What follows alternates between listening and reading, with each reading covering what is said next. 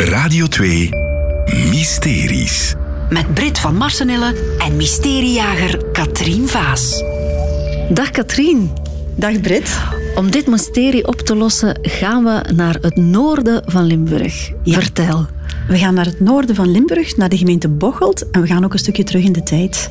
Dat is goed. Ja, 110 jaar terug. 111 jaar eigenlijk is het eh, geleden dat de toren van de Sint-Laurentiuskerk in Bocholt dat die verplaatst werd. Die werd 9 meter opgeschoven. En dat was wereldnieuws. Een hele klus was dat. En waarom moest er een toren opgeschoven worden? Wel, die Sint-Laurentiuskerk die was eigenlijk in een eiltempo te klein geworden. En dat, uh, dat had twee oorzaken. Uh, ten eerste was de bevolking heel snel toegenomen, met 30 procent in een aantal jaren tijd. Ik denk dat de pastoor goed gepreekt had. maar de paus had ook beslist dat de leeftijd van de eerste communie naar beneden ging. En dat wil dus ook zeggen dat er opeens veel meer mensen naar de kerk gingen. Want als ze hun communie gedaan hadden, moesten ze elke zondag naar de kerk gaan. Ah. Ja, en dus moest die kerk groter worden. En Daarom moest ook ineens een toren verplaatst worden. Ja, het logische is natuurlijk dat ze gewoon een stukje uh, muur afbreken en dan de kerk een stukje groter maken. Ah, ja. Maar dat ging niet, want dan zouden er huizen moeten sneuvelen. Dus de kerk kon alleen maar uitgebreid worden aan de kant van de toren. Dat is geen evidentie, lijkt mij. Nee, dat is geen evidentie, want het meest logisch is natuurlijk dat die toren afgebroken wordt en dat die negen meter verder opnieuw opgebouwd wordt. Maar Ja. dat, dat mocht niet, want die toren was geclasseerd. Die was van 1411. Dus dat was geen optie. Dus die moest in zijn geheel verplaatst worden. in zijn geheel verplaatst worden. En dan zijn ze op zoek gegaan naar, ik denk, twee enthousiastelingen. Ik kan het niet anders noemen. Ze hebben er eentje gevonden in Italië en een eentje in de Verenigde Staten, eh, die dat werk aandurfden. En die zijn dus de uitdaging aangegaan om die toren, die 2,6 miljoen kilogram woog, of weegt Oh. nog altijd, om die dus op te krikken en dan effectief 9 meter te verschuiven en dan daar een stukje kerk tussen te zetten. En is dat gelukt? Dat is gelukt. Die staat daar nog altijd, ja. Maar dat is ongelooflijk, hè? want uiteindelijk is dat een lucifer op zijn rechterkant die verschoven wordt. Hè?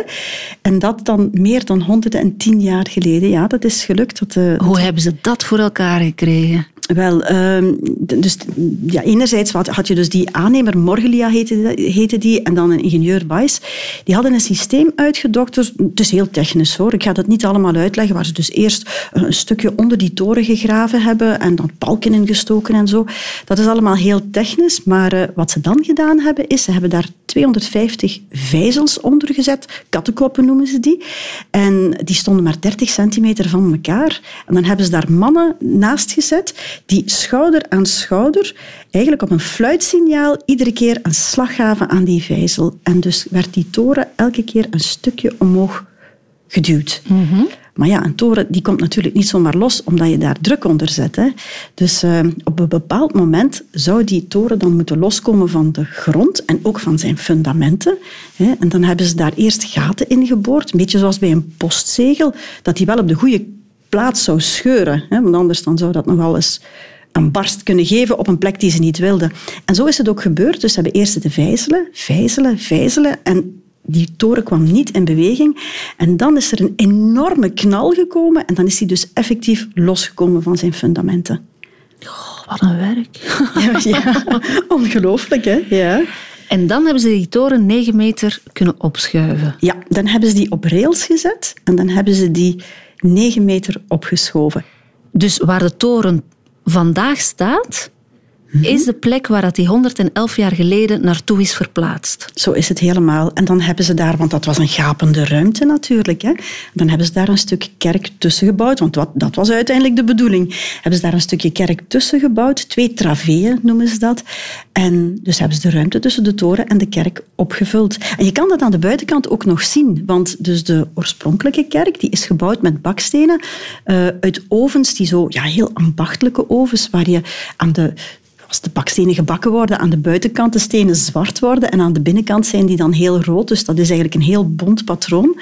En dan het nieuwe stuk, eh, dan zie je, die zijn al gebakken in industriële ovens en die zijn allemaal heel gelijk van kleur. Dus je kan effectief zien waar dat stukje kerk tussen gezet is. Maar dat moet in die tijd zo'n gigantische onderneming zijn geweest. Dat moet toch ook heel veel centen hebben gekost? Ja, en daar wrong het net. want dat was natuurlijk dat was pionierswerk. Hè. Ze wisten eigenlijk niet goed waaraan ze begonnen. Dat was nog nooit ergens gedaan.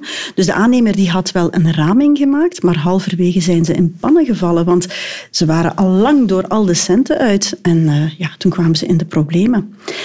En dan is de pastoor naar de brouwer gestapt. Ja. En heeft hij gevraagd van, eh, kan je ons een handje helpen? En dan heeft de brouwer 80.000 goudfranken geleend. Goudfranken, dat zijn eigenlijk uh, franken die dus zichzelf nog echt in goud waard zijn. En die heeft hij dan geleend, maar duidelijk geleend aan uh, de kerkfabriek. Ze hebben dan in de, de materialen uh, van de verhuizing, van de verplaatsing, hebben ze in pand gegeven aan de brouwerij. Maar het straffe is dat eigenlijk dat materiaal altijd bij de brouwerij is blijven liggen, want de kerkfabriek heeft dat nooit meer teruggekocht. Dus ja, eigenlijk zitten die met een enorme schuld. Nu, die, die aannemer, dat, die, die is dat risico aangegaan. Maar dat zijn, ja, dat zijn mensen, is een beetje een showman. Hè? Die, die, die, gaan dan voor een risico. En dat het een showman was, dat, dat zagen de mensen ook. Er kwamen mensen van heinden en ver kijken naar uh, die verplaatsing van die kerktoren. En dan uh, liet de aannemer de kerkklokken luiden terwijl dus dat die over de rails ging. Uh, ja, de koster moest dan aan het zeel trekken, aan de koord trekken. Nu, maar goed dat de koster eigenlijk in de toren zat, want zijn huis stond net langs de kerk. Dus als de toren zou vallen, dan zou zijn huis weg geweest zijn. Dus misschien zat hij beter in de toren dan eruit. Hè? Dat is waar. Maar de kans was zeer bestaande dat die toren zou omvallen. Ja, ik denk wel dat ze heel goede berekeningen gemaakt hebben, dat wel. Maar uh, het was absoluut nooit eerder gebeurd. En het straffe is dat vandaag de dag die technieken nog altijd gebruikt worden. Want ik ben naar een bedrijf geweest dat nu bruggen over kanalen schuift en, en gebouwen verzet. En zij zeggen echt, als je dat als bedrijf of als aannemer uh, op je bord kan zetten dat je dat ooit gedaan hebt, ja, mhm. daar kan je jaren mee verder. Want de technieken zijn eigenlijk op een paar dingen na totaal niet veranderd. Dus als ik het goed begrijp, is die schuld nog altijd niet afgelost. Nee, dat klopt. En 80.000 goudfranken, dat is een hoop geld hoor. Want uh, omgerekend naar de dag van vandaag zou dat ongeveer 10 miljoen euro zijn. Dat is veel geld. Dat is heel veel geld. Nu, ik ben uh, naar, de, naar de brouwer gegaan, ondertussen de achterkleinzoon van uh, Jean Martens, die het geld geleend heeft aan de kerkfabriek. En hij zei, ik vind dat het tijd wordt om de rekening te vereffenen. Oei. En, ja, en we zijn naar de kerkfabriek gestapt, maar daar hebben we bot gevangen. Want de diaken die wisten vertellen dat sinds de Franse revolutie al de kerkgebouwen aangeslagen zijn en dat ze eigendom geworden zijn van de gemeente. Dus de kerkfabriek is geen eigenaar meer van die toren. Dus die zijn er onderuit gekomen. Maar dat wil wel zeggen dat de gemeente nu voor de schuld moet instaan. Oei, ze zullen niet blij zijn. Mm Dus hebben we een afspraak gemaakt met de burgemeester en we zijn daar de rekening gaan vereffenen. En nu? Fons Martens die hield voet bij stuk. Ja? ja, ja, die liet het niet aan zijn neus voorbij gaan. Dus we zijn naar het gemeentehuis gestapt, regelrecht naar het bureau van de burgemeester. We hebben daar aangeklopt. Oké. En daar ging hij zijn rekening van 10 miljoen euro vereffenen. Ja, die moest wel even gaan zitten, hoor, die burgemeester. Ja, ja. Frans Martens heeft het allemaal uitgelegd en de burgemeester probeerde daar nog een beetje onderuit te komen. Hè, te zeggen, is de zaak niet verjaard en ben je er zeker van dat alle materialen uh, nog in de brouwerij zijn? Is er niet wat teruggekomen? Enzovoort, enzovoort. Veel excuses. Mm Maar nee, nee, nee. nee. Uh, uiteindelijk heeft hij moeten toegeven dat er nog een hele som geld oh. naar die brouwerij moet gaan. Ja, ja. Oh. Nu, uiteraard, dat is zo'n immens bedrag en het is 111 jaar geleden. Dus na een beetje heen en weer gesteggel zijn ze tot een akkoord gekomen Oké. Ja, en zijn ze, er, zijn ze eruit gekomen? Ze hebben gezegd, wat we zullen doen is... We tekenen hier een contract dat we tot in de eeuwigheid bier zullen drinken van de brouwerij Martens. Dat is misschien nog een beter deal. Dankjewel, Katrien, om dit mysterie op te lossen. Graag gedaan. Meer mysteries? Volg alles in de Radio 2-app.